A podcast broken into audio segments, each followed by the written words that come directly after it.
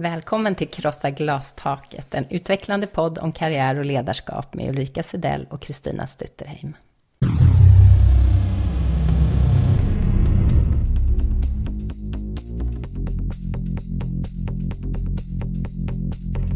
Och kvinnor ska då vara något annat, gärna supportfunktioner.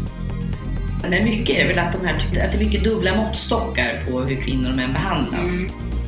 Att välja chef är ju fantastiskt viktigt. Prostitution och advokattjänster, det är liksom de äldsta yrkena som heller inte har förändrats. Men jag möter ibland kvinnor som får höra att men det kan du inte och den här liksom kompetenshierarkin, den är så full av så mycket bojor. Vi behöver inte magi för att förändra världen. Vi har redan förmågan vi behöver inom oss. Vi har förmågan att föreställa oss något bättre.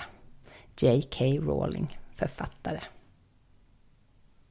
Underbart citat. Eller hur? Mm. Med den här podden försöker vi, oss för, försöker vi att föreställa oss något bättre, eller hur? Mm. Inte minst mm. tillsammans med de intervjupersoner de vi träffar och möter. Mm. Och idag så träffar vi någon som verkligen har den förmågan att förändra en bit av, av världen där hon verkar. Verkligen, och det har vi ju fått se publikt vad hon har lyckats med. Men vi ska prata med henne om hur det gick till. Och ja, och då pratar vi inte om J.K. Rowling, men någon annan minst lika häftig. Mm. Mm.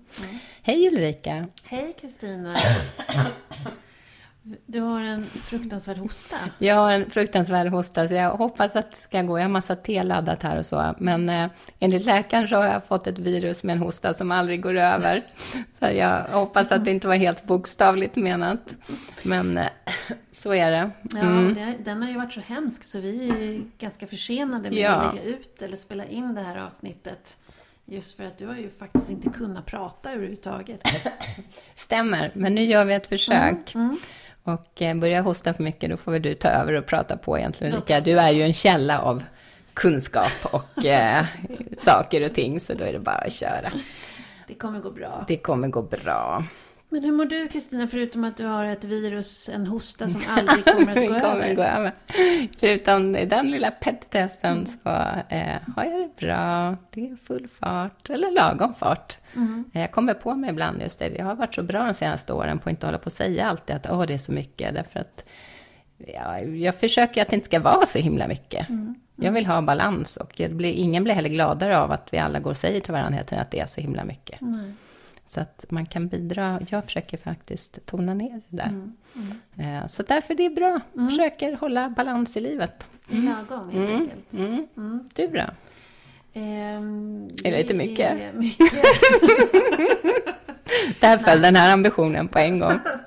Nej, men det är olika mycket. Ja. Verkligen, det är väldigt olika. Men nu har jag precis passerat en vecka när jag har varit väldigt mycket ute och rest och eh, föreläst mm. om glastaket. Och sen så är eh, väldigt mycket i slutet, slutjustering av den nya boken. Så det nu är det lite mycket. Dessutom håller jag på att måla om hemma. Ja. Flyttar runt. Mm. Det är barn som flyttar hemifrån och så blir det plötsligt andra möjligheter. Mm. Eh, just nu sitter vi i ett eh, barnrum som inte är, ja, som nu inte är ett längre ett barnrum. Så nu har blivit vår lilla mm. studio tillfälligt just idag. Rosa och härligt rum. Mm.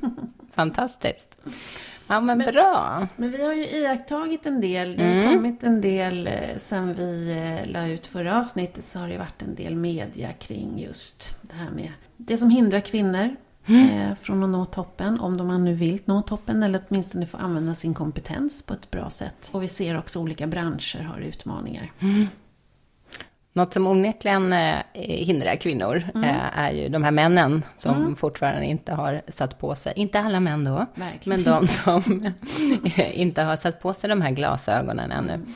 Och då har ju både du och jag pratat om och läst lite på här om eh, Woody Allen. Mm. Eh, han är väl drygt 80 år, denna regissör, filmmakare.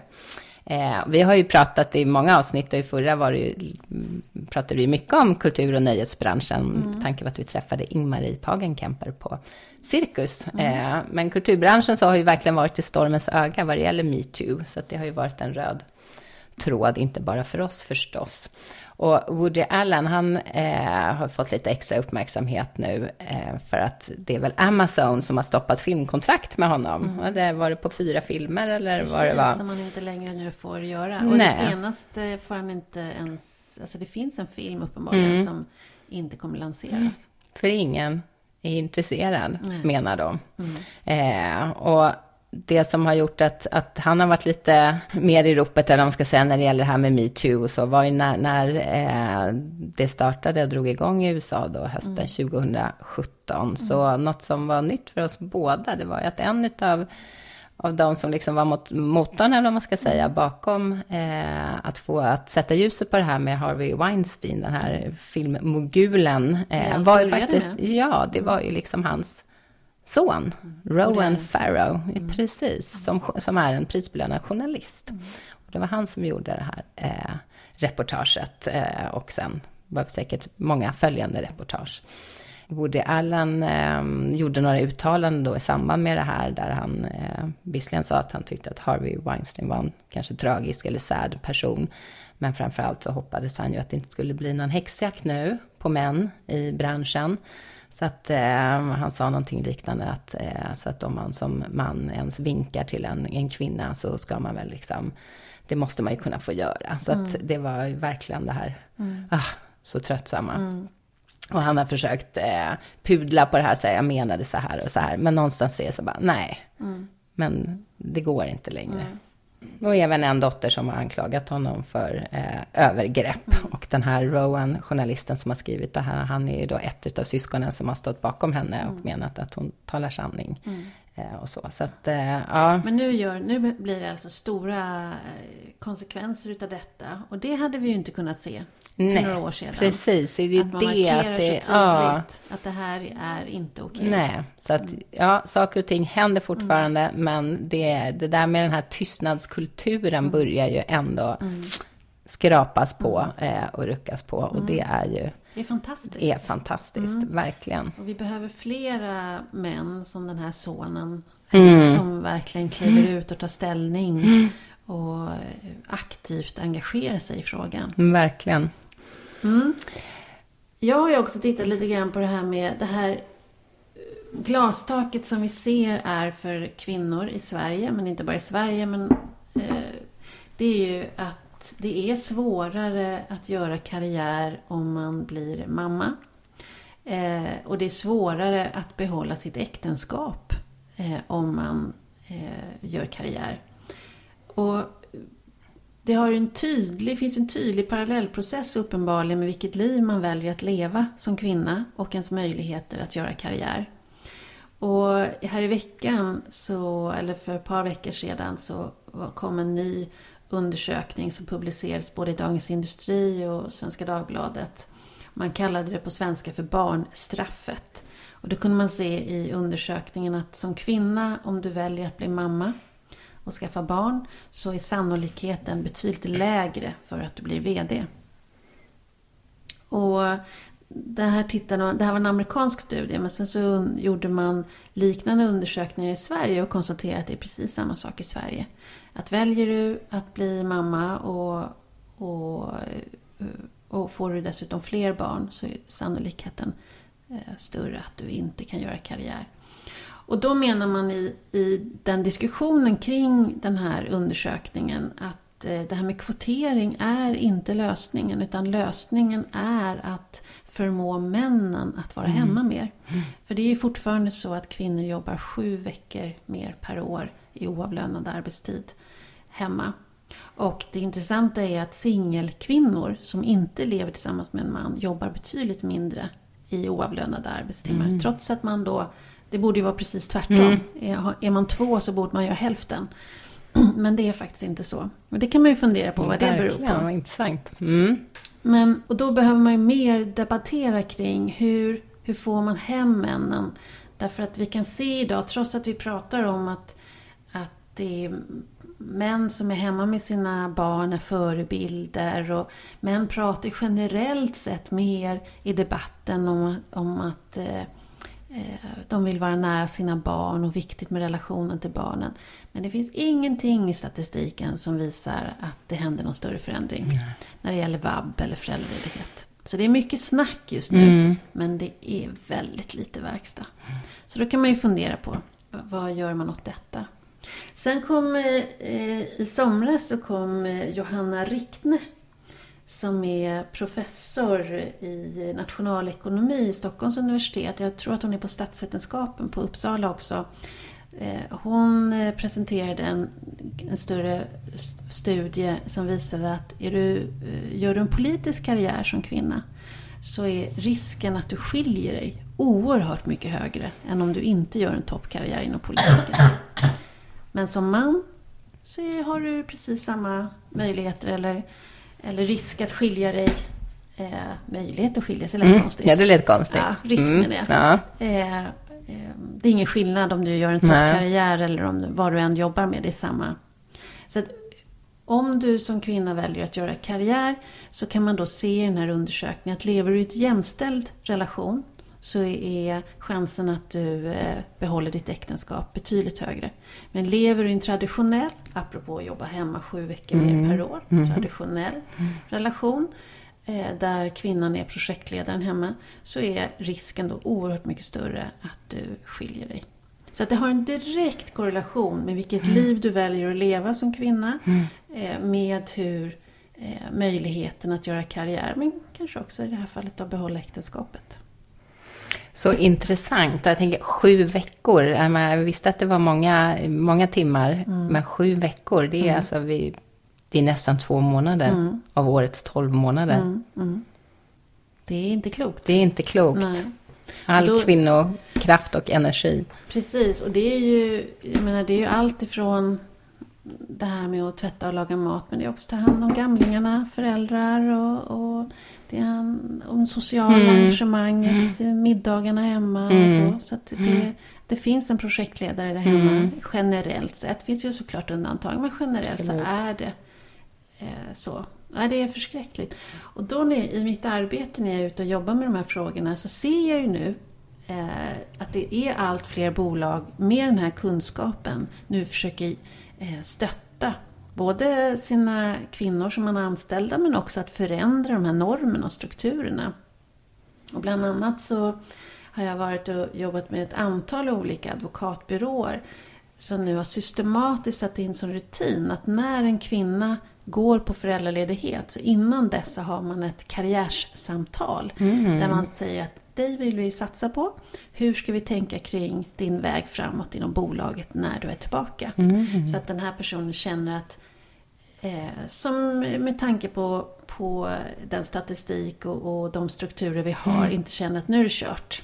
Eh, när jag blir mamma och det ska vabbas och det ska mm. hämtas och lämnas. Så att nu kan jag lika gärna lägga ner det här Just karriären det. på det här mm. bolaget. Mm. Så att man vill verkligen göra tydligt. Mm. Och det omvända, man uppmuntrar männen att ta ut föräldraledighet och tar man ut mer än sex månader så får man en extra semestervecka under det året och sådär. Just för att bra. försöka påverka mm. de här strukturerna. Mm. Mer sånt. Mer sånt. Mm. Jätteintressant. Mm. Bra. Konkreta åtgärder. Mm. Mm. Har du funderat något på energibranschen och jämställdhetsfrågor och så ihop? Nej, det har jag inte. Jag har tänkt på min elräkning. Jag tänkte mm. lite grann på. Den är hög. Den är säkert högre, det vet jag ingenting om. Och ändå som kvinna så gör du av med eh, mindre eh, energi, om vi pratar om den här typen. Du har mindre eh, miljöpåverkan än män. Mm. -hmm. ja, men det ska vi komma till, mm. förstår du. Ehm, och det har kommit en ny rapport från Nationella sekretariatet för genusforskning som har gjorts på uppdrag av Energimyndigheten. Och den som har gjort den heter Ann-Sofie Kall. Hon är forskare vid Linköpings universitet. Och bara en liksom parentes, eller inte en parentes, för det är jätteviktigt. Vilka är Energimyndigheten? För det var faktiskt nytt för mig, att de årligen delar ut 1,3 miljarder eh, till forskning. Eh, alltså de är en av de största forskningsfinansiärerna i Sverige. Det visste inte jag. Nej, och förutom då att verka för energi och klimatpolitiska mål som ju antagits av Sveriges riksdag och så vidare, så ska de ju bidra då till omställning eh, när det gäller eh, nya energisystem och så vidare, så ska de också främja jämställdhet vid fördelning av medel till forskning eh, och innovation. innovation. Eh, så att det är, eh, det är bra. 1,3 miljoner som de har att dela ut och då ska ha ett ett genus och jämställdhetsperspektiv på det. Mm. Men den här rapporten då i alla fall, den säger att med kunskap om genus och jämställdhet på energiområdet kan omställningen göras både mer rättvis och effektiv, visar den här nya rapporten. Och då är det så, liksom traditionellt, om man ska säga, alltså mycket av internationell forskning om genus på energiområdet, så handlar det om fattigare eh, förhållanden, där kvinnor är hänvisade till vedeldning eller annan bioenergi för hushållet. Och det är först nu på senare år som forskarna har börjat uppmärksamma att genus och jämställdhet kan vara relevant att ta hänsyn till även här i Sverige. Eh, och då visar statistik, bland annat från OECD, eh, att i OECD-länder att kvinnors och mäns energiförbrukning ser olika ut. Kvinnor använder generellt sett mindre energi och producerar mindre koldioxidutsläpp än män. Vet man varför? Ja då, eh, och det kommer vi lite in på de här sju veckorna, eller på att ah, säga. Inte ah. allt som ingår i dem då. Men kvinnors energiförbrukning är också mer knuten till hemmet och hemmets konsumtion. Och sen är framförallt vad gäller transporter skillnaden stora. Till exempel så kör män mer bil och reser mindre kollektivt än kvinnor. Eh, så vad man menar är ju då att en större medvetenhet om kunskap hur skillnaden ser ut mellan män och kvinnor men också mellan andra grupper, eh, är ju liksom viktigt för att kunna öka möjligheterna för att minska energianvändningen. Eh, så att ha genus och jämställdhetsglasögonen på människors energianvändning kan också hjälpa oss att förstå då bättre konsekvenserna eh, som då när vi uppmanar till förändrad energianvändning, att det slår olika på mäns respektive kvinnors arbetsinsatser hemma. Eh, för män ansvarar då till exempel ofta för renoveringar när det gäller energi. Kvinnor å andra sidan då är mer ansvariga för hushållsarbetet. Och i jämförelse med en renovering så utförs hushållsarbetet varje dag. Att arbeta för att förändra då användningsmönster för att minska mm. energianvändningen kan alltså innebära att kvinnors arbetsinsats ökar oproportionerligt. Mm. Å andra sidan vet vi inte om framtidens smarta hem kan komma att innebära en ökad arbetsbelastning för män och kvinnor när, upp, när liksom då all utrustning ska uppdateras, produkter utvärderas och användarmanualer läsas.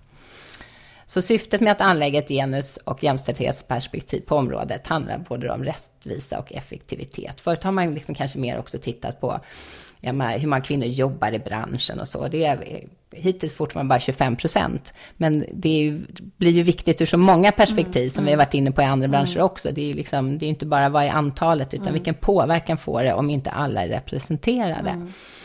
Eh, så då blir det vems behov prioriteras, vem, vems kunskap och perspektiv tas i anspråk för att göra omställningen. Eh, och rapporten visar att mer forskning behövs för att fånga jämställdhet och genus på energiområdet. Men det här tycker jag var jättespännande, lite nya vinklar på det här med, det här är ju liksom vår stora fråga med energi och klimat. Eh, användningen och politiken. Och att verkligen även här förstås eh, så är det också en jämställdhets och en genusfråga på Definitivt. flera sätt. Eh, intressant är att det finns ett, eh, ett eh, initiativ som heter Equal by 30. Och det är privata och offentligägda energibolag som aktivt då ska arbeta för lika möjligheter för män och kvinnor inom den branschen. Och det är ett så här världsomspännande eh, eh, initiativ, Make mm. Equal, så då eh, by 30. Så att då ska det ha hänt mycket inom det här området fram till 2030 helt mm. enkelt. Men viktigt område och här behöver kvinnorna finnas med och ta plats. Och Verkligen. det här just att titta på hur förbrukar vi olika och när man då ska effektivisera, hur slår det på mm. kvinnors och mäns olika aktiviteter och mm. insatser. Mm. Ja.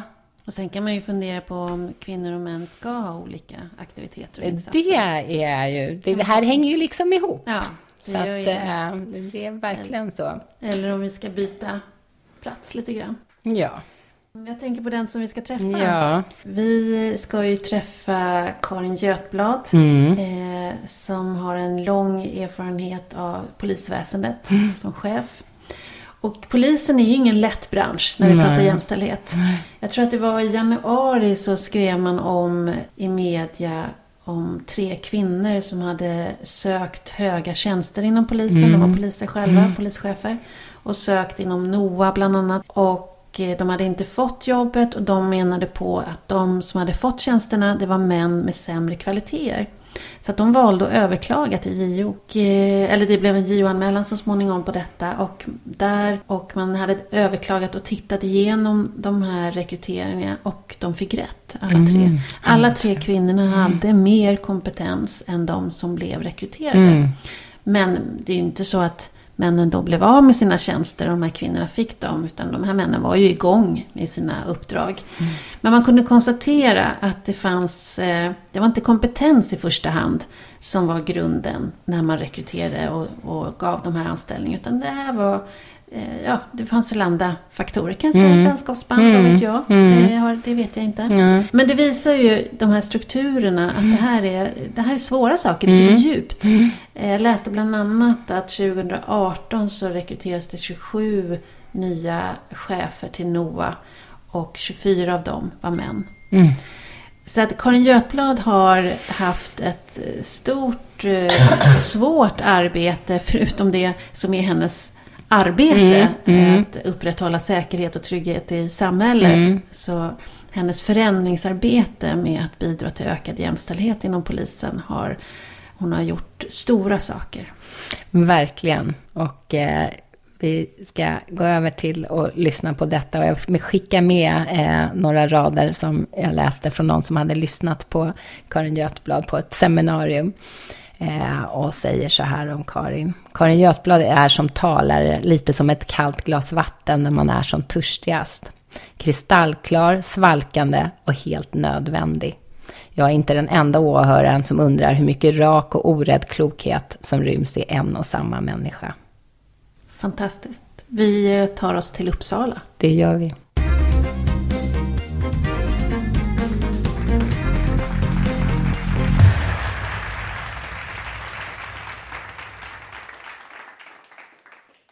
Varmt välkommen Karin Götblad till podden Krossa glastaket. Tack, vad trevligt. Eh, vi är här hos dig på mm. ditt kontor på polishuset i Uppsala. Och eh, det här har vi längtat efter, att få träffa dig. Och när man läser om dig, det är som att läsa ett filmmanus eller en, en roman. Eh, för att bara säga lite axplock om din bakgrund. Du var en ung kvinna runt 20 då var du ensamstående med två barn. Du hade hoppat av gymnasiet. Mm. Eh, därefter så bestämde du för att studera och du blev först förskollärare och så småningom förskolechef. Eh, sen pluggade du vidare. Det var juristprogrammet, det var tingsmeritering och du jobbade som chefsjurist. Och sen gick du chefspolisutbildningen. Och du blev länspolismästare i Gotland, Stockholm, nationell samordnare för våld i nära relationer, regionpolischef nu för Region Mitt. Du har krossat många glastak. Eh, och din framfart med dina magiska framgångar och priser har du fått. Eh, men du har också berättat om offentliga utmaningar och mm. privata mm. sorger. Och idag är vi här för att prata om eh, ledarskap och karriär och hur glastak krossas. Tack. Eh, Ja, när man läser om dig då får man en bild av en kvinna med ett stort hjärta och en skärpt blick riktad mot just de utsatta i vårt samhälle. Och att du hade bestämt dig för att använda ditt mandat för att bland annat öka säkerheten eller tryggheten för utsatta i vårt samhälle. Ja, som exempelvis personer med psykiskt funktionshinder, människor utsatta för förtryck, ja, eller djur. Stämmer det? Och i så fall, hur blev det så? Ja, nej men det stämmer. Um, och jag skulle nog vilja säga att jag skiljer mig inte eh, från mina medarbetare. Det här är, gör att det är så underbart att jobba i polisorganisationen. För nästan alla drivs av ett patos för den lilla människan och de utsatta. Mm. Och att faktiskt det är så viktigt mm. att inte onda krafter får ta över. Mm.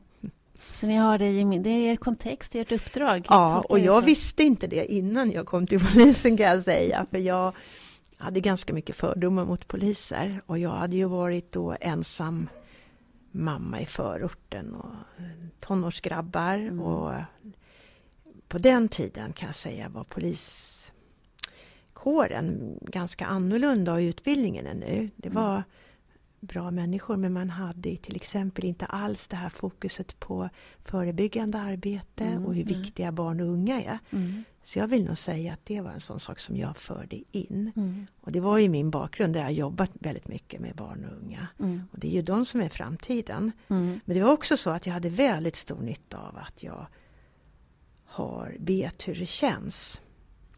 Att inte ha liksom någonting att sätta emot mm. när man möts med fördomar. Mm. Som mm. tonårsmamma kan ni ju tänka er. Mm. Och, och, många andra svåra saker som var runt mig. Och det hade jag, har jag fortfarande nytta av och framförallt då att, att det känns i ryggmärgen när man märker det hos omgivningen. Och jag kan säga att där hämtar jag min styrka för det gjorde mig väldigt arg. Mm. Gjorde mig väldigt arg att bli bemött som att jag hade alla problem bara för att jag hade ett problem. Mm, mm, mm.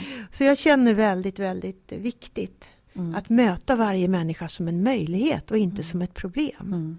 Och Så det, ilskan? Ja, och också det här, jag är ändå en gladlynt person, men ja. ilskan in, innerst inne, den är en kraft som gör en modig. Och jag brukar säga mod är en träningssak. Men en tydlig kompass med mm. att varje människa, jag har ännu inte mött, i alla fall ingen ung människa och mm. barn som inte har också goda sidor som jag tycker om, hur mm. stora problem man än har. Mm. Mm. Ja, du var ju den första kvinnan på posten som länspolismästare i Stockholm med 7000 anställda. Eh, jag läste att innan dess hade det varit 36 män på mm. den här posten. Eh, så det var ju uppenbarligen ett tjockt glastak att ja. krossa. Eh, hur var det? Hur var det att vara först som kvinna? Ja, jag hade ju varit eh, på Gotland innan. Mm.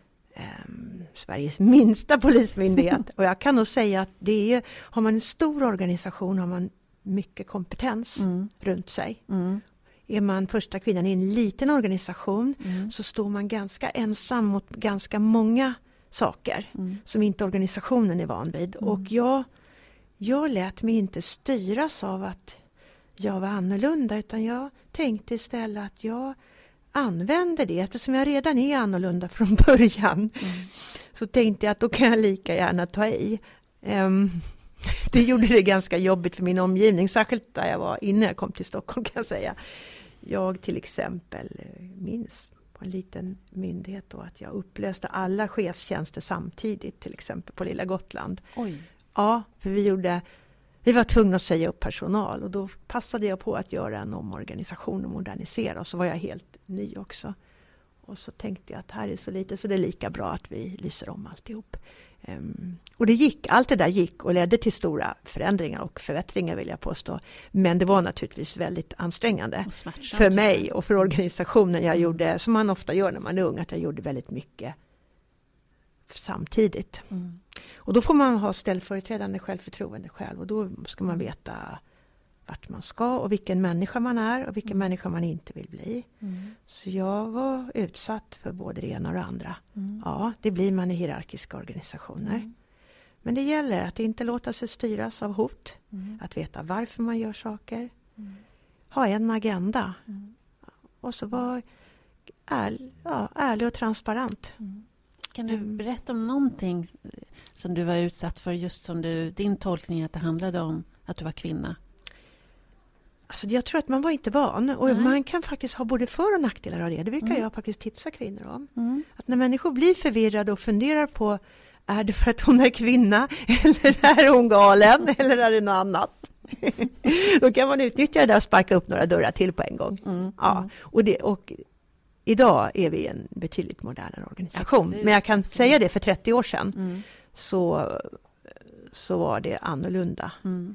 Eh, och då fick man verkligen ta i. Mm. Mm. Eh, särskilt om man var som jag, var också i Värmland. Jag var liksom i glesbygden, vet, där det var väldigt mansdominerat. Det mm. fanns mm. kanske ja, väldigt, väldigt lite kvinnliga poliser. Um, Men det hände ju saker och allt man gjorde, gjorde eh, märktes ju. Eh, och sen är det så här, jag är väldigt bra på en sak och det brukar jag förmedla till ungdomar som jag fortfarande träffar ungdomar i olika sammanhang som har det svårt. Att överallt finns det goda människor. Häng inte upp dig på de som du inte tycker om och som inte är snälla. Mm. Utan ta häng på de goda. Mm. Och du förväntar inte att du hittar dem på en gång eller att de är i majoritet. Men har du de glasögonen på dig, möjligheter. Man får ju bestämma sig för vilket förhållningssätt. Mm. Så man möter människor som en möjlighet. Mm. Och sen leta efter de goda och så ta häng på dem. Så jag har jobbat väldigt mycket med att när jag var ny chef då gjorde jag så att jag var så dum så jag trodde att jag kunde få med alla på båten om jag bara ansträngde mig tillräckligt mycket. Så jag gav jättemycket tid till de som kastade grus i maskineriet. Och de blev ju naturligtvis jättenöjda så de fortsatte ju med det och fick ännu mer av min uppmärksamhet. Sen lärde jag mig. Jag har lärt mig det mesta genom att göra olika mm. misstag kan jag säga. Mm. Mm. så att idag Sen har jag jobbat jättemycket med att hjälpa alla de som vill något och i det ligger ju då att få in en bredare eh, kompetens inom polisen, bland annat många fler kvinnor mm. Mm. och många fler människor med andra erfarenheter. Mm. mm. Och då är, fungerar det som ett trollspel, att man ser sin roll som att försöka vara dörröppnare, mm. sänka trösklar, ja, mm. ha folk, att de känner att de har mitt stöd i ryggen. Och så inte syndabockskultur. Alla kan vi, tror jag, tänka så att om man vågar tänka efter vad man har lärt sig mest av så är det ju av, av eh, sina misstag eller saker som har gått fel. Mm. Och då blir ju inte de meningslösa om man vågar tänka så lärdomar. och vågar dela det med andra och, och diskutera det. Mm. Så en sån kultur har jag försökt jobba. Men många saker och inte minst i stora Stockholm hände bakom min rygg när man försökte stoppa. Så är det ju. Mm. Men som chef får man sällan reda på det. Mm. Men många sådana saker. Men jag hade tillräckligt mycket goda människor runt mm. mig.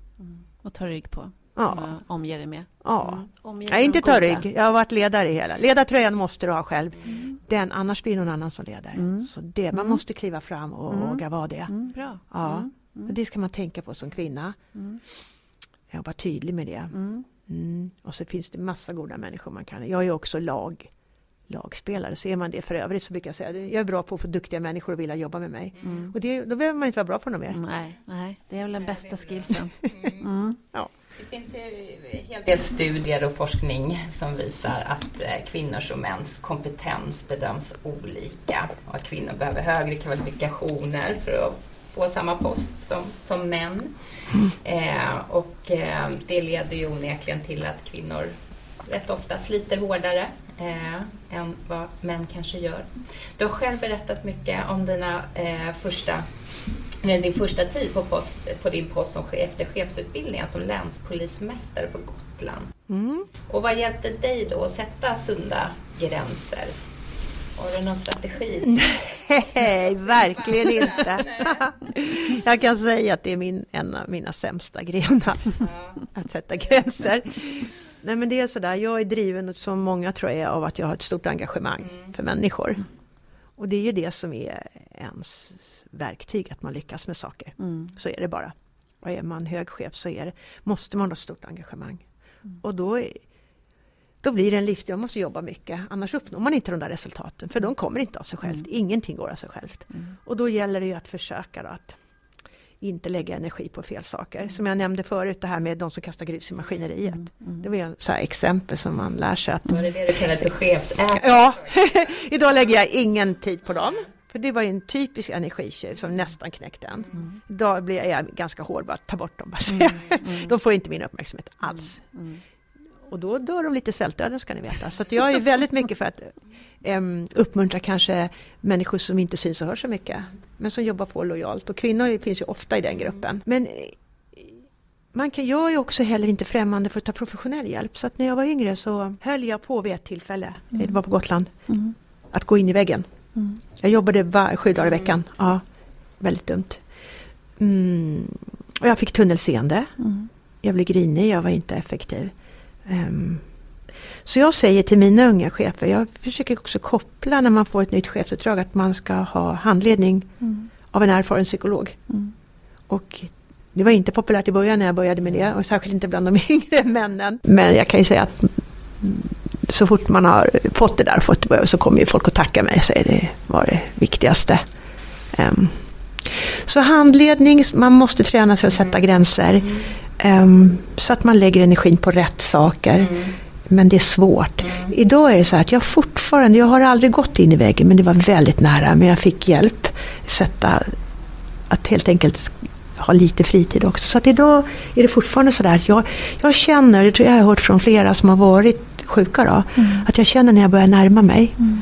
Eh, och då vet jag, oj nu får jag backa lite. Mm. Och vara ledig ett par dagar eller vara en helg. Nu får jag lugn, lugna ner mig. Mm. Mm. Så man lär sig ju med erfarenhet att känna igen signalerna. Men det är ju ett problem idag i samhället, det vill jag verkligen säga. Och vi behöver ju också människor som vågar vara inkännande, vågar behålla sin skörhet och känslighet. Och de råkar särskilt illa ut. Mm. Jag vill inte ha cyniska förhärdade personer, vill vi ingen av oss. Men samtidigt måste vi ha en, en robusthet. Mm. Och det är lite svårt att kombinera mm. det där. Mm.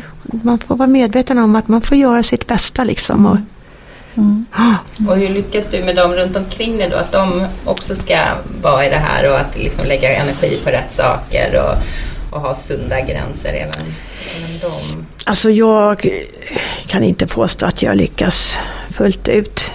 Jag pratar väl om det när man får jobbet. Jag brukar faktiskt göra så att jag överdriver det negativa när jag, människor ska jobba här. Jag talar om hur mycket det kommer vara och svårt och sådär. Så att man inte måla saker i rosenrött.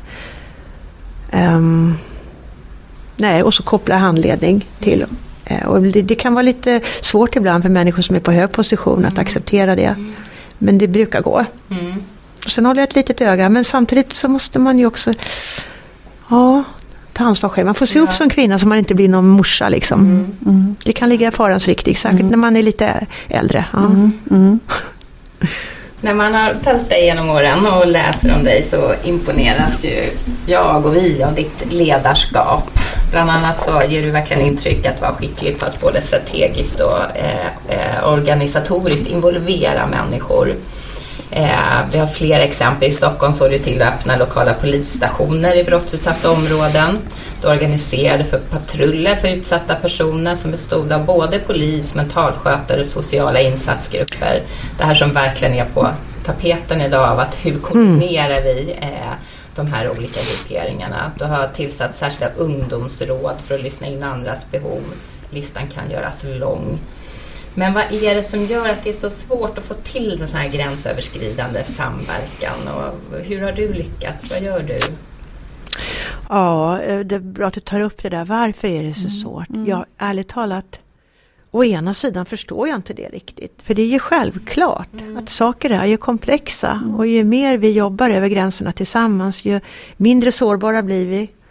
Och ju bredare perspektiv får vi. Och det måste man ha på de här frågorna. Och så vet vi ju hur våra beslut påverkar till exempel andra stödfunktioner. Så att inte vi genom polisen tar ett beslut som, som krossar någon annan insats mm. och vice versa, eller hur? Mm.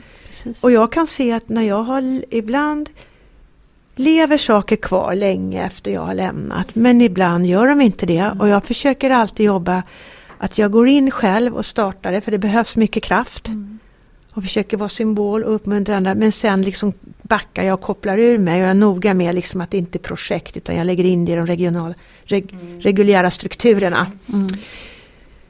Nej, jag tror att man behöver fler människor med annorlunda bakgrund som har gjort andra saker. Jag tror att det är så här lite grann i vårt samhälle att vi jobbar kanske för länge i samma stuprör. Så att man får en lite för trångt perspektiv. Mm. Jag tror också att man underskattar svårigheten med att jobba sektorsövergripande. Man tror att det är någonting som bara sker av sig själv. Mm.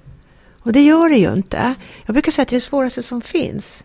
Att jobba med komplexa frågor och med många olika professioner. Mm. Så att när jag anställer chefer, och där tror jag inte alla riktigt förstår vikten av det. Så säger jag, det har jag även till mina chefer här, det är deras viktigaste uppdrag att jobba strategiskt och sektorsövergripande med frågor. Mm. För de måste bana väg för de under.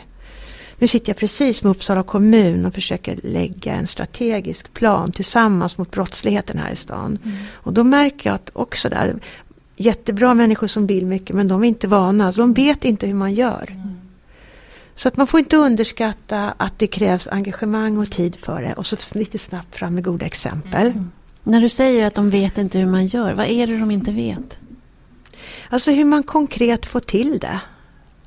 Alltså man sitter fast att den bestämmer det eller man har inte information om det. Och det är därför det är så viktigt att cheferna måste gå före och hjälpa hjälpa till va? och visa det själva med goda exempel. Att själva inte jobba liksom som någon envåldshärskare eller i ett stuprör.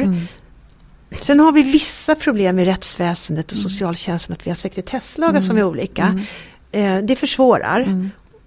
Och det styr in myndigheter brukar säga stuprör. Men det är absolut inte hela, hela bilden. Jag tycker ändå att det blir bättre och bättre. Men jag tycker nog att man, man tänker för mycket i samma banor. Jag kan också se, tycker jag, inom polisen, det hör jag från många kvinnor, att sista åren har jämställdheten gått tillbaka. Och det tycker jag. När jag kom tillbaka efter jag lämnade Stockholm och var nationell samordnare ett par år så kunde jag se att det många kvinnor sa, att det hade gått tillbaka. Som i samhället i övrigt. Ja, men det visar också hur viktigt det är att ha kvinnor på höga Mm. poster. Och jag brukar säga att det är viktigt att ha erfarna kvinnor. Mm. Vi behöver mogna kvinnor på höga positioner. Och i Stockholm gjorde jag ju så att jag hade en min mest lyckade chefsatsning var faktiskt kvinna 45 plus. Man fick bara anmäla sig om man var intresserad. Och jätteenkelt stöd fick man och ingen gräddfil. Men vi fick ut så mycket mogna kvinnor som ville bli chefer. Man fick bara lära sig att göra en CV. Vad är mina styrkor? Eller som kvinnorna sa, man är 45 år. Så har man ju 20 år kvar att jobba. Nu ska vi jobba till 70 så då har man ju 25 år kvar. och man har massa erfarenhet och man Alltså perfekt. Det enda man saknar är självförtroende. Alltså man är inte lika bra på att sälja in sig som männen är. Och det fick man träning i. Och jag tror att jag tror det var 60 procent av de som gick, alltså det här var bara några enkla, ni vet träffar och någon sån här eh, två dagars grej. 60 procent av dem gick in på chefstjänster innan och lyckades såklart hur bra som helst. För de var mycket mer coachande.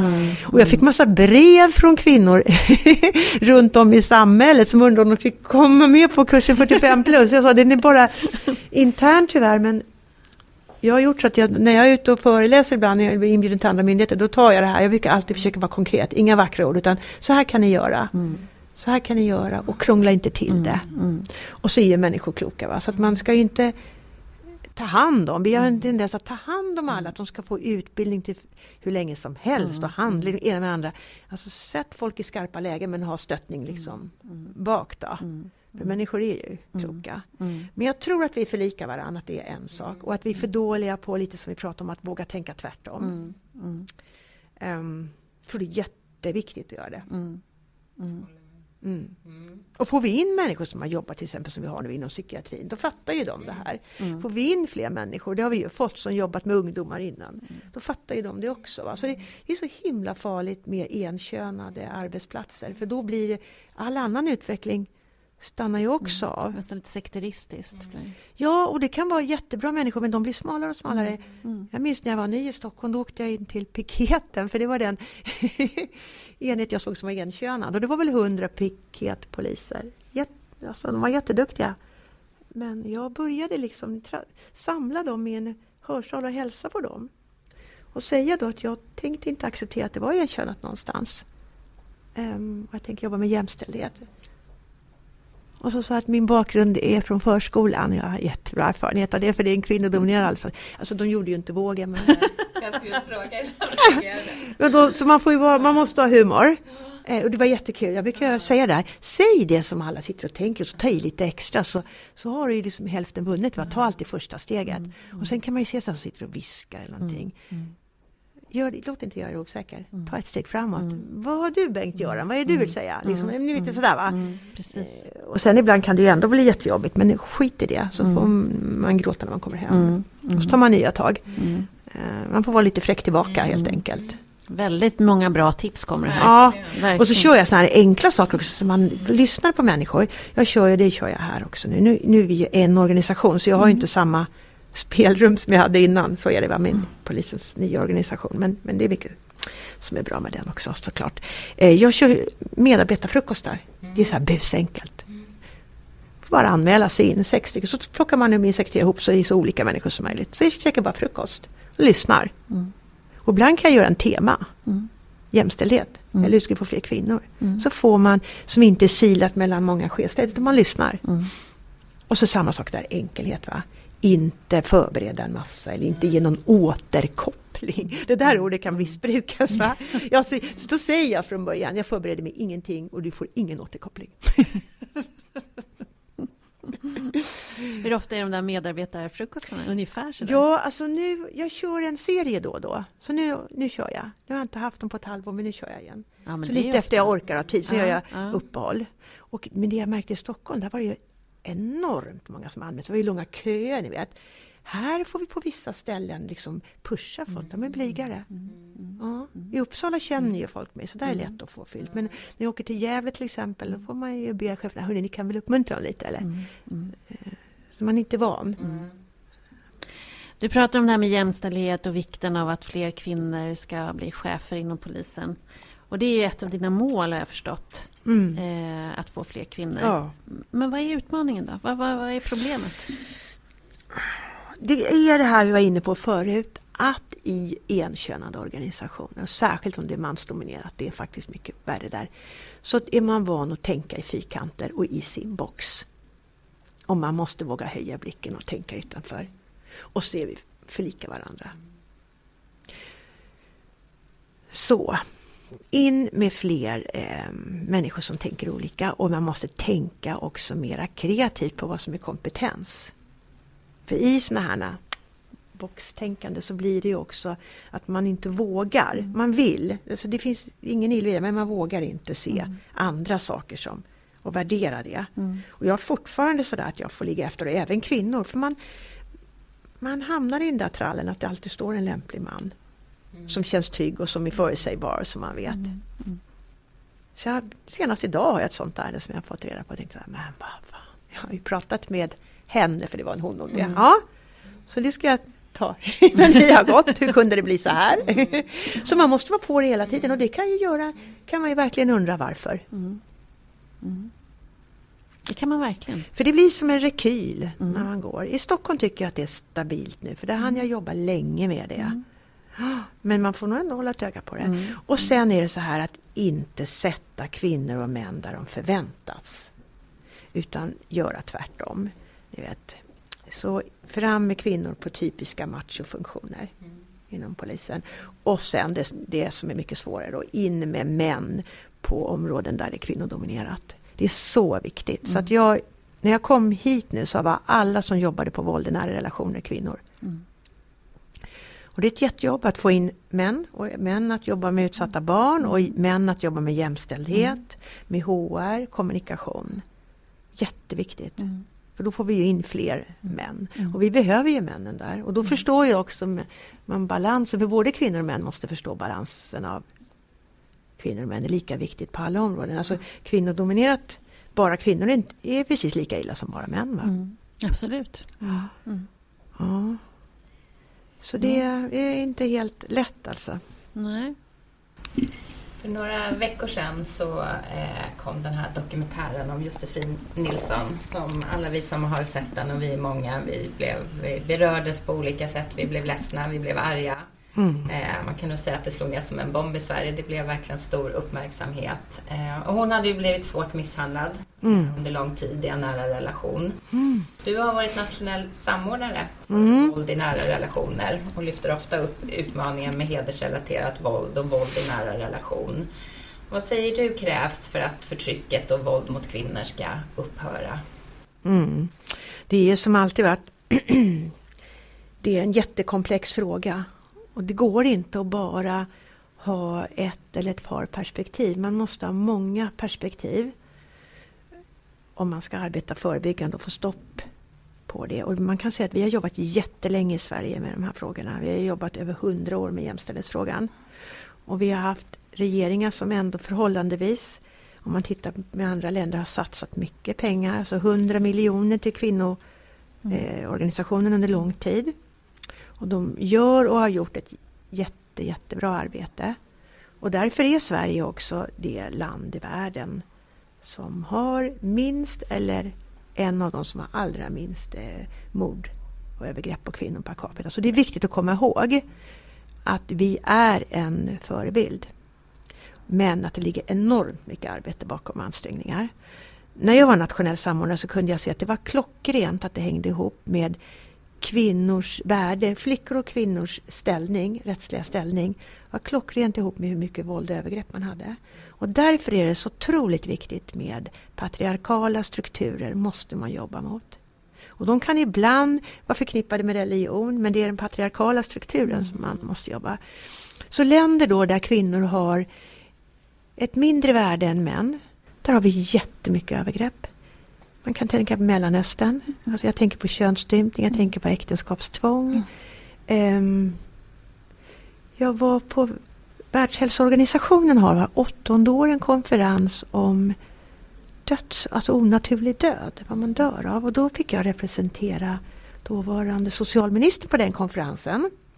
Den var i Mexico City. Och jag var kallad dit för att de trodde inte på Sveriges siffror. Um, att vi inte hade fler mördade kvinnor. Det låter ju förfärligt. Jag menar varje mördad kvinna är en för mycket mm. i vårt land, verkligen. Men då då, Sydamerika, alltså de värsta machoidealen om mm. får säga. En enormt våldsamt samhälle. Svag stat. Inte fri press. Mm. Um, I Mexiko och Colombia gick det 150 mördade kvinnor på en mördad i Sverige. Oj. Förstår? Mm. Per capita. Alltså en kvinnas liv var inte värt någonting, mm. eller en flicka. Sen har vi länder som Egypten, andra länder där vi vet att vi har, vi har inte insyn, vi har inte koll. Alltså enorma där man Afghanistan, man piskar kvinnor. Alltså det, det är så fasansfulla mm. saker. Så att ett, jämställdhetsarbetet och kvinnor, våld, det går ihop så här mm. klockrent. Mm. Jag fick enorm respekt för vårt jämställdhetsarbete. Det är mm. väldigt viktigt att jobba med det över hela världen och mm. stödja det. Mm. Det är den enda och rätta vägen. Mm. Men vi har ändå kommit så pass långt i Sverige de här hundra åren. Så dels menar jag att vi måste vara mycket tuffare och modigare att kliva fram och tala om att vi har någonting att lära ut. Mm. Och det måste vi göra både till människor som kommer till vårt land, mm. från länder där kvinnor har lågt värde, mm. också till kulturer där kvinnor är förtryckta mm. och till andra länder. Vi är lite för rädda för det. Mm. Det skulle ha betydelse om vi gör det. Och vi har något att lära ut och kräva anpassning efter i vårt land. Um, i mina förslag till regeringen när jag var nationell samordnare så gav jag olika förslag och jag är, brukar alltid vara så här konkret och praktisk mm. som ni sa och gränsöverskridande. Så jag kan säga att det viktigaste förslaget är jag förvånad över att man ännu inte har genomfört. För man har genomfört många av mina förslag som bygger på till exempel att utbilda barn kring våld mm. redan i förskolan och mm. skolan. Och ha diskussioner pojkar och flickor. Mm. Ha diskussioner med föräldrar när man skriver in sina barn på förskolan, för det gör nästan alla vilka regler som gäller. För vi har ju också barnaga, mm. alltså i familjer där kvinnor får stryk får även barnen stryk.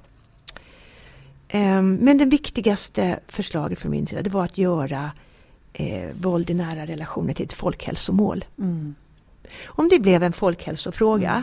då skulle det med automatik vara med i alla olika samhällsinstitutioner. Skulle ha, behöva ha med sig det, hur jobbar vi mot våld i nära relationer, ja just det, det måste vi tänka på. Då skulle akutmottagningarna ha med det i sina generella frågebatterier. Då skulle skolan behöva ha med det i läroplanen, förskolan också. Då skulle alla forskningspengar vi ger till exempel till psykiatrin eller annat också fråga kvinnor, inte bara om de är deprimerade utan om de också blir misshandlade. Alltså vi skulle få, vi skulle få in det i vårt antidrogarbete. Vi har ju ett långt arbete som gäller alkohol, narkotika och droger, hur man jobbar i kommuner på olika sätt. Skulle även våld i nära relationer komma in där. Och, och som ni förstår så hänger ju våld i nära relationer förknippat med alla de här områdena. Är det någonting vi vet kring familjer där kvinnor och barn blir misshandlade så är det att man kommer till akutmottagningen. Mm. Och ha sådana här generella frågor mm. så att man inte behöver ta ett beslut eller peka ut. Mm. Och så ha såklart att man snabbt kan prata med kvinnan. Att här, det här numret kan du ringa och mm. prata med en socialsekreterare. Mm. Det låter så självklart. Varför skulle ja. det inte vara ett folkhälsomål? Vad är motkraften? Ja. Du får fråga regeringen. Ja, det är väl det. naturligtvis på det sättet ni vet att har elva folkhälsomål. Att man ja, för varje nytt mål så ställer det ju ökade krav. Men det är precis det vi behöver. Eftersom regeringen redan ger ut så mycket pengar så menar jag, jag föreslog ju också att man varje år skulle samla generaldirektörerna för de olika myndigheterna som kom in. Åklagare, rikspolischef, generaldirektör för Försäkringskassan, Socialstyrelsen. Jag hade ett par sådana möten ihop då med regeringen. Och så dela ut uppdrag helt enkelt. Det här följer vi upp om ett år. Vad har ni gjort? Så det är en vi på. tvärsfråga. Mm. Men folkhälsomål skulle vara lättast för då skulle man också delegera ut det och så följa upp det. Så skulle folk bli tvungna att sitta och jobba med det. Alla Och det- ska behöva organisera sig utifrån det. Yes, Och det skulle, vara, det skulle ge så mycket synergieffekter och förebyggande. Sen föreslog jag när det gällde barn.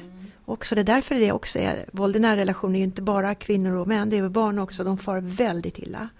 Blir ofta behandlade som ett eh, bihang till vuxna. Jag föreslog mobila team. Ni vet idag är det en jätte föräldrar som har det svårt, jätterädda för socialtjänsten och det är jättestigmatiserande att bli utpekad. Du måste gå till SOS med din familj. Börja tidigt ha små expertteam som åker runt på förskolan och jobbar med riskfamiljer och också kan handleda personalen. Så får man det i sin naturliga miljö och man ger föräldrarna en chans att växa och ta hand om sina barn. För jag ser idag att vi har väldigt mycket barn som växer upp i kriminella familjer.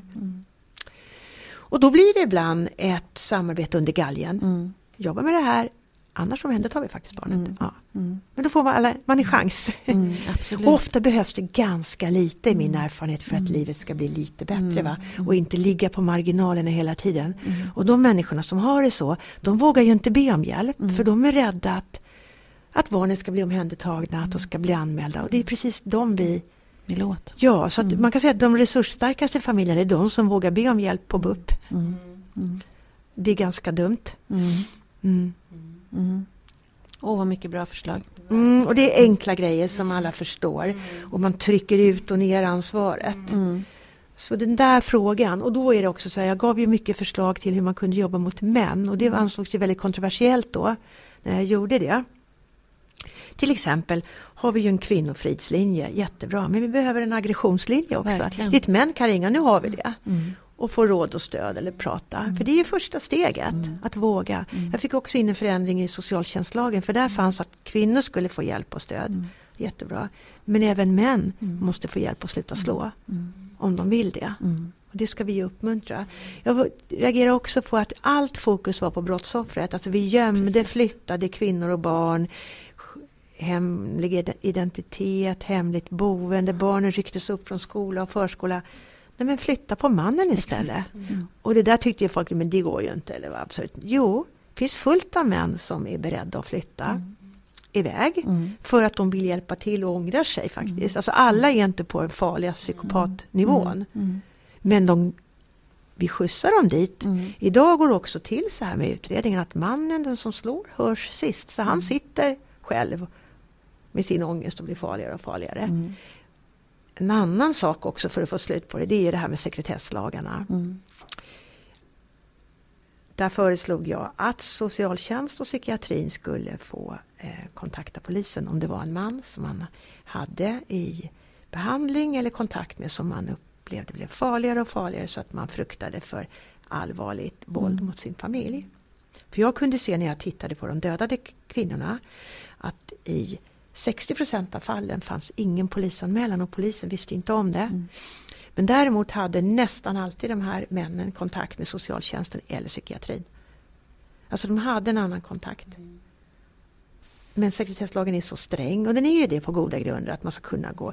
Men jag menar att man måste, om det är riktigt farliga män så tycker jag att man måste få tipsa polisen. Det ska inte vara något tvång så att vi kan begära det eller kräva det utan den enskilde då, eh, tjänstemannen får göra bedömningen. För det måste göras en helhetsbedömning. Men då tror vi att vi hade kunnat stoppa en del av de orden och kan det om man får in en sån regel. Det låter så självklart när man sitter i den här stolen. Ja. ja, så det finns mycket att göra. Och då tänker jag det här med folkhälsofrågor är ändå det viktigaste för då kommer de andra förslagen dyka upp i linje med människor som jobbar med det. Och är det en folkhälsofråga då tror jag, jag tyckte också det skulle in i företagshälsovården. Om vi nu tänker på det som har varit på tapeten senast med kulturvärden. Alltså, mm. Om man hade det i företagshälsovården, att man hade, då är också chansen större att arbetskamrater som såg det här faktiskt slog larm mm. och gjorde någonting. Mm. mm. Så in med det i strukturerna. Mm. Mm. Verkligen. Bra. Men med tanke på allt vad du har åstadkommit och uppnått så eh, wow. råder det ingen tvekan om att du är begåvad och att du arbetar hårt. Eh, men vad är det som har gjort att just du har krossat glastak på det här sättet? Det är en mansdominerad organisation. Vad är det hos dig som har, vad har gynnat dig? Oj. Nej, men jag har väl haft goda människor som har släppt fram mig och vågat det. Alltså det har krävts mod av dem som vågade det. Jag blev antagen till polischefsutbildningen utan att ha körkort till exempel. Mm. Det är sån helt nödvändigt, står en förordning. Men ni vet, min typ, jag hade inte körkort på den tiden. Mm. Jag hade inte råd, jag var ju mm. ensam morsa. Mm. Alltså man vågade. Mm. Och det är det jag vill sprida, att man måste ha lite mod mm. och våga släppa fram människor som är annorlunda. Och då blir det lite alltså då skakas det om, då blir det lite skrammel. Mm. Men det är värt det. Mm. Annars får man ingen utveckling. Och jag kan tycka idag att man är för ängslig. Mm. Man vill ha chefer, särskilt på hög nivå, som man vet att den där kan jag lita på. Där händer inget oförutsägbart. Den mm. där är lydig. Alltså sån ängslan ser jag. Mm. Och jag tycker att män oftare passar in i det där att de är förutsägbara och lydiga om ni förstår vad jag menar. Eftersom vi har en bild av hur det ska ja, vara. Ja, och de är tränade så mm. många gånger. Um, så därför är inte jag tyvärr förvånad då att man ofta väljer män och då ska man kanske inte bli så förvånad att det inte händer så jättemycket på utvecklingssidan utan då handlar det mer om god och lydig förvaltning. Mm. Um, och det är bra men det räcker inte. Och idag har vi så mycket utmaningar i samhället mm. så vi måste våga ta in fler olydiga kvinnor. Men de måste ju ha ett patos och en kompass men det har folk, alltså människor är inte dumma.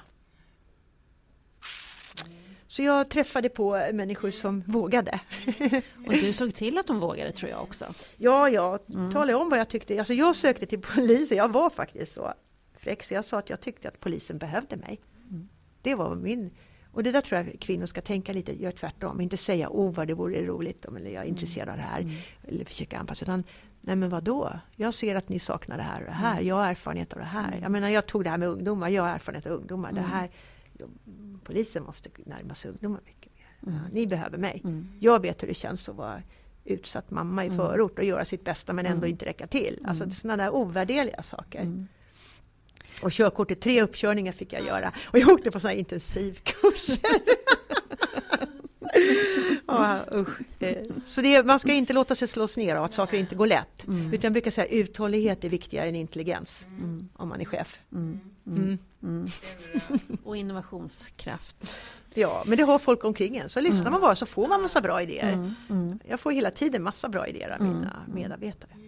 Du ska börja runda av och ditt, eh, du har ju under eh, de här minuterna sagt en hel del om eh, tips till kvinnor.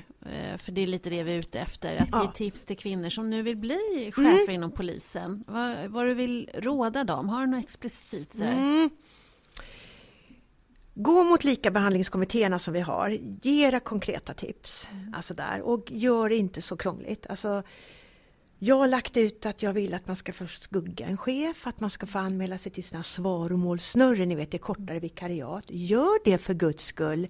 Var inte så självkritiska. Jag har haft så mycket karlar på mitt rum som kan ha gjort dundermisstag och de sitter ändå och föreslår sig själva efter två veckor för en jättehög tjänst. Var inte så självkritiska. Ehm, man lär sig av sina så kallade misstag och den som inte gör några misstag den gör ingenting. Mm. Men du måste ha en stark vilja och tycka att det är kul. Och så gott humör hörni. Mm. Offerkoftan, bort med den. Mm. Gnälldiket, bort med den. Mm. Och man, jag brukar säga att man kan ha aldrig så goda skäl att känna sig förfördelad och missnöjd. Men det är ingen väg framåt. Man drar det kortaste strået själv. Mm. Så lite, ta inte allt jätteallvarligt. Mm. En, gott humör, en klackspark till vissa saker och så mm. var ja, på den bara, på igen. Min mm. förra man brukar säga så här när jag hade en jätteelak rådman när jag var tingsnotarie så kom jag hem och grät. Han skällde ut mig för att jag hade glömt några delgivningskvitton och sådär. och jag vill, alltså, jag vill inte gå till jobbet så här på morgonen. På dem bara, ropade han. På dem bara! så lite så här. Mm. Inte ta allt blod allvarligt. Mm. Och, så vet jag, och det vet kvinnorna inom polisen, att man vet varför man jobbar där, vad man vill med sitt liv. Mm. Man vill göra mm. någonting lite bättre mm. varje dag. Mm. Ja. Och det vet de. För människor, det vet de. Mm. Ja. Mm. Men på dem bara. Ja, det tycker på jag. Dem bara. Fantastiskt. Underbart. Att avsluta med. På ja. dem bara. Ja. Återigen. Ja. Tack så hemskt mycket för din tid och för att vi fick komma till dig. Tack, Tack. själva. Tack. Mm, tillbaka på Kungsholmen ifrån Uppsala. Mm. Ja du Ulrika, hur mycket rak och orädd klokhet ryms det i en människa? Ja, ja jag måste säga att jag var så inspirerad mm. efter mötet med Karin och tänkte att det går att förändra världen. Mm. Vi var väl lite så här, kan man börja jobba här på polisen? Finns det någon roll för oss här? Så man kan få jobba nära denna person. Mm. Ja, och det som imponerade så oerhört mycket på mig, det var mycket, men någonting, när, när vi pratar om just det här, det stora utmaning som vi ständigt pratar om i vårt samhälle, om att få olika discipliner och olika delar av samhället att samverka. Ja, men det är alltifrån landstinget till kommun, socialtjänsten, skola, beroende på vilka medborgare vi pratar mm. om. Och det lyckas hon med. Mm. På så många olika mm. sätt startar de här samverkansprojekten. Mm. Med, där vi vet att det är så svårt, mm. där så få lyckas. Och vi läser ju ständigt om patienter som ramlar mellan ja, kommun och landsting. Eller åldringar eller mm. barn som har svårigheter eller så. Så nu riktar jag mig till Sverige. Ta och titta på Karin Götblads mm. framgångar. Lär och gör efter. Jag kan bara hålla med på så många olika plan, verkligen. Och sen tycker jag också det här med att hon så systematiskt jobbar med jämställdhet. Mm. I där vi vet att det är så, det, det är tunga strukturer mm. att jobba med. Mm. Och vi förstår att hon möter motgång. Mm. Det är självklart att hon mm. måste ha gjort det. Och att hon ja, men det här när hon med könsmärkta uppgifter systematiskt mm. byter plats. plats ja. Hur hon uppmuntrar kvinnor att söka chefstjänster. Mm. Mm. Ja. ja. men det är fantastiskt. Och jag tänker, man, som man fastnar för så mycket och tar med sig så mycket. Men det här med, som hon, hon sa att hon la mycket tid i början eh, av karriären på, på alla de som inte ville. Eh, när hon sen kom till någon punkt när jag inser, nej, det är inte där jag ska lägga min tid och energi. Mm. Eh, man har benämnt det chefsätare någon gång. Och jag, mm. Men det, det absolut som chef upplever man det, men det kan man göra som medarbetare eller vanlig mm. person också. Att var lägger jag, vilka ska jag satsa på? Ska jag, jag, jag jobbar med de här som, ska, som vill, mm. som, och då kommer det dragkraft. Och sen mm. får de där som är emot det, ja, då får väl de ta ett ansvar själva för vad de ska vara, vad de ska göra. Mm. Men det där att verkligen, för man tappar själv så mycket energi mm. när man ska jobba och kämpa och mm. få med de här som inte vill och mm. bara är motvalls. Mm. Så det där tycker jag är inspirerande också. Eh. Jag tycker det är oerhört inspirerande. Och jag, tycker, jag tänker på alla eh, som lyssnar, att, att påtala det här på sin arbetsplats. Har vi könsmärkta uppgifter, mm. Eh, då får man väl bli en liten en sån där som säger emot mm. och visa på eh, utmaningarna. Eh, kan vi eh, göra någonting åt det? Eh, när vi tittar, när det gäller det här med föräldraledighet. Hur uppmuntrar vi att kvinnorna stannar mm. kvar? Att, att de vill fortfarande satsa? Mm. Eh, hur Eh, som är jag kvinna, ja men be om ett karriärsamtal ja. innan jag tar föräldraledighet. Och är du chef som lyssnar, vi har ju adresserat hela Sverige här nu via Ulrika, så är du chef som lyssnar, eh, så se till att det införs på din arbetsplats. Mm. Och ni män, om ni vill behålla ert äktenskap, eh, se till att jobba jämställt där hemma. Mm. För annars så blir det inget långt äktenskap. Nej. Om ni har en kvinna som vill göra någonting annat än vara hemma och jobba med mm. oavlönad arbetstid. Sju veckor. ja men bra Ulrika. Ja, vi, ja, massa härligt och inspirerande apropå mm. att göra världen lite bättre. Vi mm. har det inom oss alla. Mm. Eh, så att eh, hoppas att vi med detta avsnitt har hjälpt alla att Hjälp inspireras ja, till eh, att göra allt lite bättre. Vad kan vi ta med oss? Eh, och tacka för nu då helt enkelt. Tacka för nu. Och jag vill skicka med en eh, sak som jag läste i Dagens Industri i veckan.